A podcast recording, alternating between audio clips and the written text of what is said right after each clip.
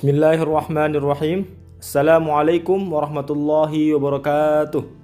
Halo semuanya, kembali lagi bersama kita di podcast Salim dan Zakaev. Insya Allah pada episode kali ini kita akan melanjutkan pembahasan mengenai perang Tabuk. Jadi seperti yang sudah dijelaskan di episode sebelumnya tentang persiapan Rasulullah Wasallam dan juga pasukan Islam. Kemudian Rasulullah Wasallam menyerahkan urusan Madinah kepada Muhammad bin Maslamah al-Ansori. Dan ada juga yang mengatakan kepada Siba bin Arfatoh. Untuk urusan keluarga, beliau wakilkan kepada Ali bin Abi Thalib. Beliau memerintahkan Ali untuk tinggal bersama mereka. Ketidakikut sertaan Ali dalam peperangan ini mendapat celaan dari orang-orang munafik.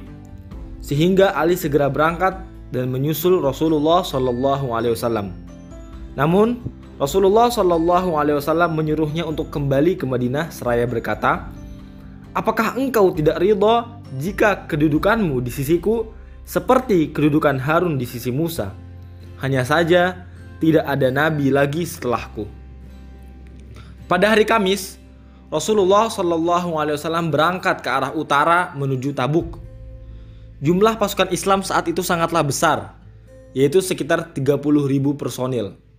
Dan sebelumnya, kaum muslimin belum pernah berperang dengan jumlah pasukan sebesar ini. Sehingga kaum muslimin tidak terlatih dan tidak dapat membekali pasukannya secara sempurna meskipun telah mengerahkan harta kekayaan mereka. Bahkan, bekal makanan dan kendaraan yang ada masih sangat sedikit dibandingkan dengan jumlah pasukan. Setiap 18 orang mendapatkan jatah satu unta yang mereka kendarai secara bergantian. Seringkali mereka memakan dedaunan sehingga bibir mereka jontor. Mereka terpaksa menyembelih unta mereka meskipun jumlahnya sedikit agar dapat meminum air yang terdapat di dalam kantong air unta tersebut. Oleh karena itu, pasukan ini dinamakan dengan Jaisul Usroh, yaitu pasukan yang berada dalam kesulitan. Dalam perjalanan menuju Tabuk, pasukan Islam melewati Al-Hijr yaitu perkampungan kaum Samud yaitu kaumnya Nabi Soleh yang pandai memotong batu-batu besar di lembah Wadi Qura untuk tempat tinggal mereka. Orang-orang hendak mengambil air dari sumur yang ada di lembah tersebut. Namun ketika mereka hendak berangkat, Rasulullah Shallallahu Alaihi Wasallam berkata, Janganlah kalian meminum air yang ada di lembah ini, dan janganlah kalian pergunakan untuk berwudu. Adonan yang telah kalian ambil, berikan saja kepada unta, dan janganlah kalian makan sedikit pun. Beliau kemudian memerintahkan agar mengambil air dari sumur yang telah didatangi oleh unta Nabi Solih alaihissalam.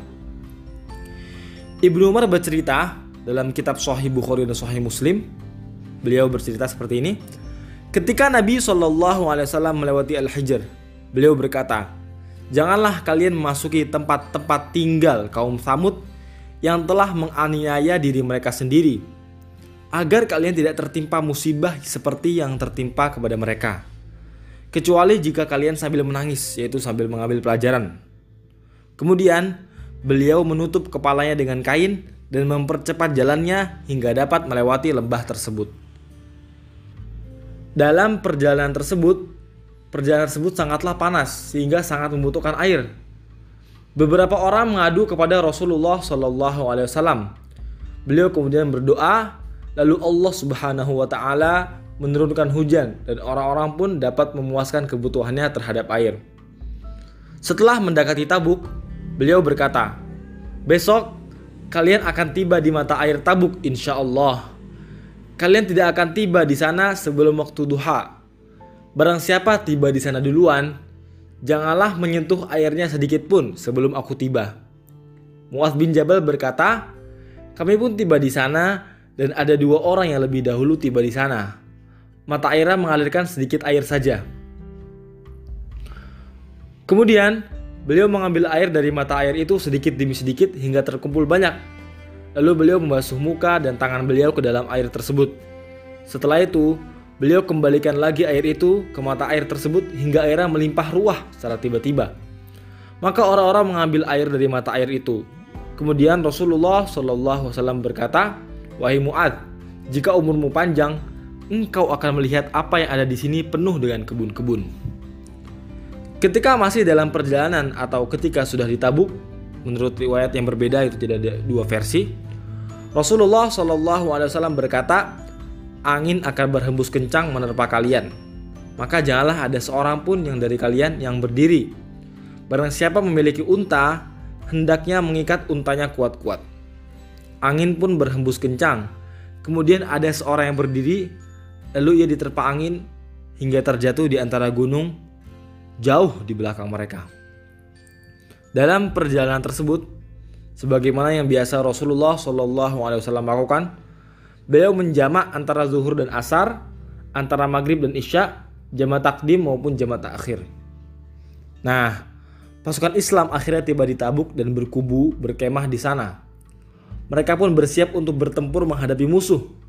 Rasulullah Shallallahu Alaihi Wasallam berdiri di tengah-tengah mereka menyampaikan pidatonya dengan penuh semangat.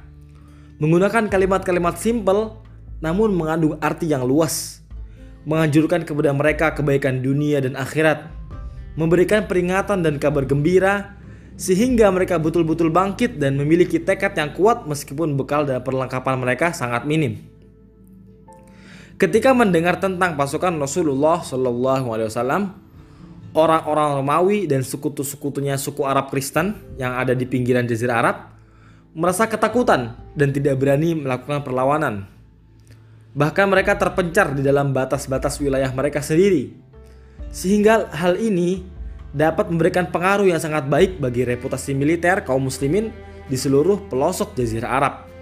Di samping itu, kaum muslimin juga mendapatkan keuntungan yang besar dalam bidang politik yang tidak mungkin akan mereka dapatkan seandainya terjadi pertempuran antara dua pasukan itu.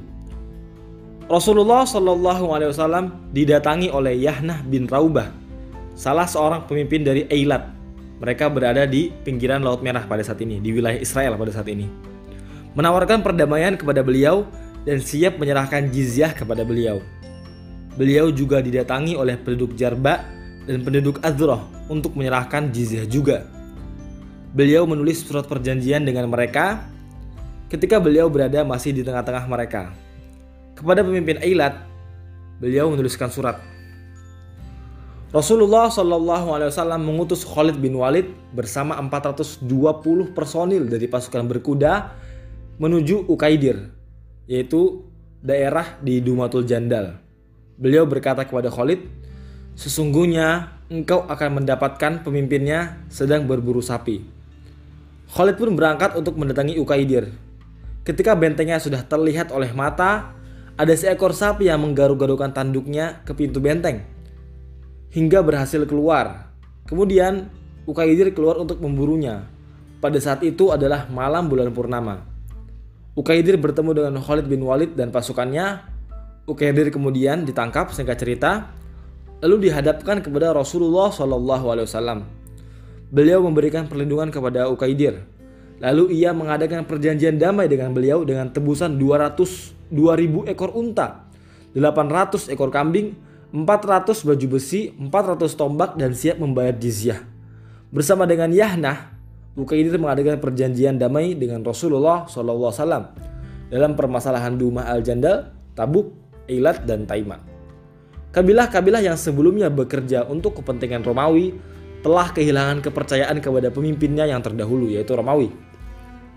Mereka berkeyakinan bahwa sudah bukan saatnya lagi bergantung kepada pemimpinnya yang terdahulu itu, yaitu Romawi. Mereka pun berbalik, yakni yakni mereka bekerja untuk kepentingan kaum muslimin. Dengan demikian, wilayah kekuasaan Islam menjadi bertambah luas hingga berbatasan langsung dengan wilayah kekuasaan Romawi. Untuk selanjutnya, akan dilanjutkan oleh Abu. Silakan Bu lanjutkan. Oke Pi, aneh lanjutin. Akhirnya pasukan Islam pergi meninggalkan Tabuk dengan kemenangan yang gemilang tanpa mengalami kerugian sedikit pun. Lalu pada saat perjalanan pulang ke Madinah, ketika itu ketika ada sebuah peristiwa yaitu Rasulullah Shallallahu Alaihi Wasallam bersama Amar bin Yasir dan Hudzaifah al-Yaman waktu itu mereka bertiga sedang jalan di sebuah bukit apa meninggalkan pasukan inti Nah, ketika itu Amar bin Yasir yang memegang tali kekang onta Rasulullah dan Hudzaifah yang memimpin jalan di depan. Nah, pas ketika itu, ketika Rasulullah SAW bersama Ammar bin Yasir dan Hudzaifah lagi berjalan, tiba-tiba terdengar suara gaduh dari di belakang. Dan Rasulullah SAW pun langsung menyuruh Hudzaifah untuk mengejar para apa yang tadi suara gaduh itu dan akhirnya Hudzaifah bin Al-Yaman pun mendapatkan informasi bahwasannya itu adalah 12 eh, orang-orang munafik yang hendak menyerang Rasulullah Shallallahu Alaihi Wasallam tetapi gagal dan Hudzaifah pun memberitahukan nama-nama tersebut dan setelah peristiwa ini Hudzaifah pun dijuluki yaitu orang yang memegang rahasia Rasulullah Shallallahu Alaihi Wasallam.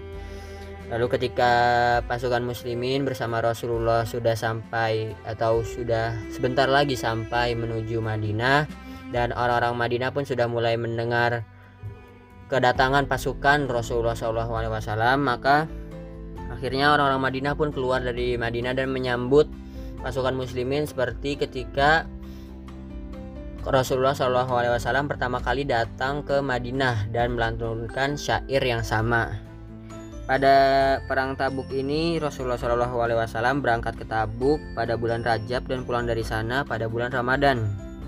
Berarti lagi puasa dan pada perang ini memakan waktu selama 50 hari. Di tabuknya 20 hari itu perangnya. Dan sisanya dihabiskan pada perjalanan pulang pergi. Dan ini merupakan perang Rasulullah Shallallahu Alaihi Wasallam yang terakhir. Nah jadi itu episode kali ini Sampai sini dulu, kurang lebihnya mohon maaf. Jangan lupa di-share ke teman-teman kalian biar makin bermanfaat. Didengerin episode-episode sebelumnya, ditungguin episode selanjutnya. Wassalamualaikum warahmatullahi wabarakatuh.